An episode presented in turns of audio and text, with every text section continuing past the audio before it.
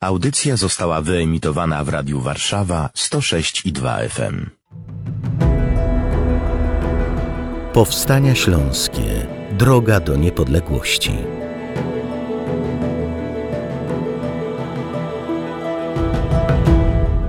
Stulecie Powstań Śląskich, Marcin Bąk, witam Państwa i witam mojego oraz Państwa gościa, którym jest dr Krzysztof Jabłonka, historyk. Witam serdecznie Ciebie, Marcinie. Witam Państwa również. W ostatnim naszym spotkaniu rozmawialiśmy o granicy na Odrze i Nysie, która została wytyczona w roku 45 tak naprawdę, ale której historyczne, polityczne korzenie tkwią w trzecim powstaniu śląskim, a w zasadzie w pewnych zabiegach niemieckich, mm które wokół tego y, powstania, czy raczej próby utrzymania jak na największego... tego powstania tak. została stworzona.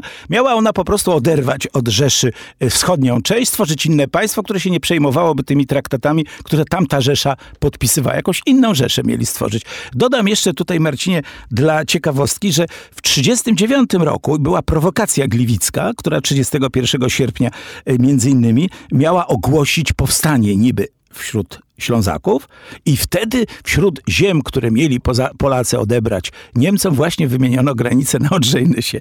Więc dwukrotnie Niemcy skorzystali z tego planu Ostlandii, ci prowokatorzy, no głównie tam Himmler z przyległościami, Naujokes i jakiś jeszcze inny i oni i, jakby to powiedzieć, wygenerowali sami sobie tę granicę, e, prowokując, czy też kombinując... E, z tym Ostlandem, z tym Ostlandem którego tak. ważną częścią miał być Śląsk, w ich ujęciu oczywiście cały Śląsk, nie tylko, nie tylko górny, no, choć i dolny też. Górny tak. był rzecz jasna kąskiem łakomym ze względu na strukturę przemysłową, zasoby znajdujące się pod ziemią, mm -hmm. no i zasoby ludzkie także. Bo... No, Dolny Śląsk z kolei był świetnie rolniczo zorganizowany i miał wysoki poziom kultury agrarnej i intelektualnej. Pamiętajmy, Leopoldina e, Wrocławska była jedną z Jeden z najwspanialszych uniwersytetów w ogóle w Europie. Tej części Europy przynajmniej, tak. Taka Getynga wschodnio-niemiecka, czy też e, e, piastowsko-niemiecka, no.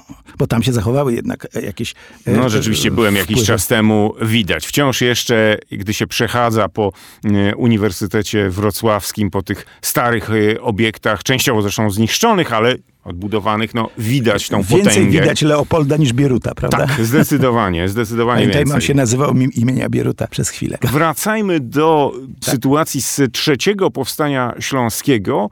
Mamy rozejm, mamy także drugi rozejm. Pierwszy Niemcy sami zerwali, tak. co im się na dobre nie obróciło. Mamy drugi rozejm. Tak, i po tym rozejmie te strony zaczynają się wycofywać całkiem już nie ma tam żadnych pilnowania stref, w to się przestano bawić. To zresztą Tolerant zaproponował, powiedział, że innego wyjścia nie ma. Albo się wszyscy wyniosą, albo my się wyniesiemy. No i w tej sytuacji zajmowali ich miejsce, stąd tak dużo przyjechało właśnie głównie Włochów, trochę już zmienionych. Hrabia Sforza tu już zrobił swoje, wytłumaczył swoim wojskowym, że macie trzymać stronę polską, bo, bo jest katolicka choćby. Wzrosło, ja przypuszczam, nie miałem nigdzie danych, ale wcześniej było około 11 do 12 tysięcy, więc dwukrotnie wzrosło i y, wtedy też zapanował jakiś po, spokój na tym Śląsku, wróciło zaopatrzenie, zaczęły funkcjonować sklepy, y, przestały być blokowane, cernowane miasta, no chyba, że przez wojska koalicji. Y, z tymi koalicyjnymi wojskami się Ślązacy zaprzyjaźnili, tam mnóstwo nowych towarów się przemyciło i tak dalej, tak jak to normalnie w życiu. No na... mamy też wzmianki o handlowaniu cały czas Oczywiście, z tymi y, żołnierzami, także bronią.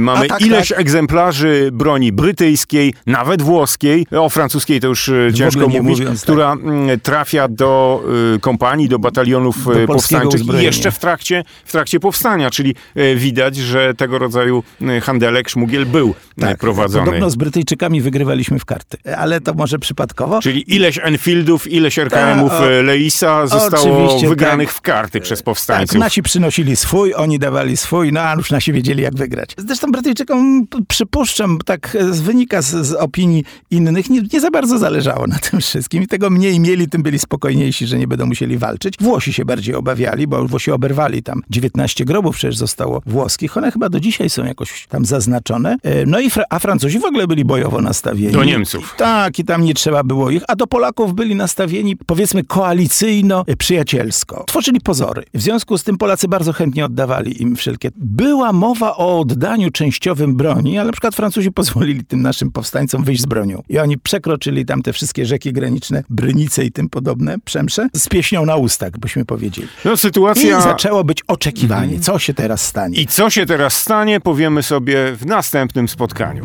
Zadanie publiczne jest współfinansowane ze środków otrzymanych od ministra obrony narodowej.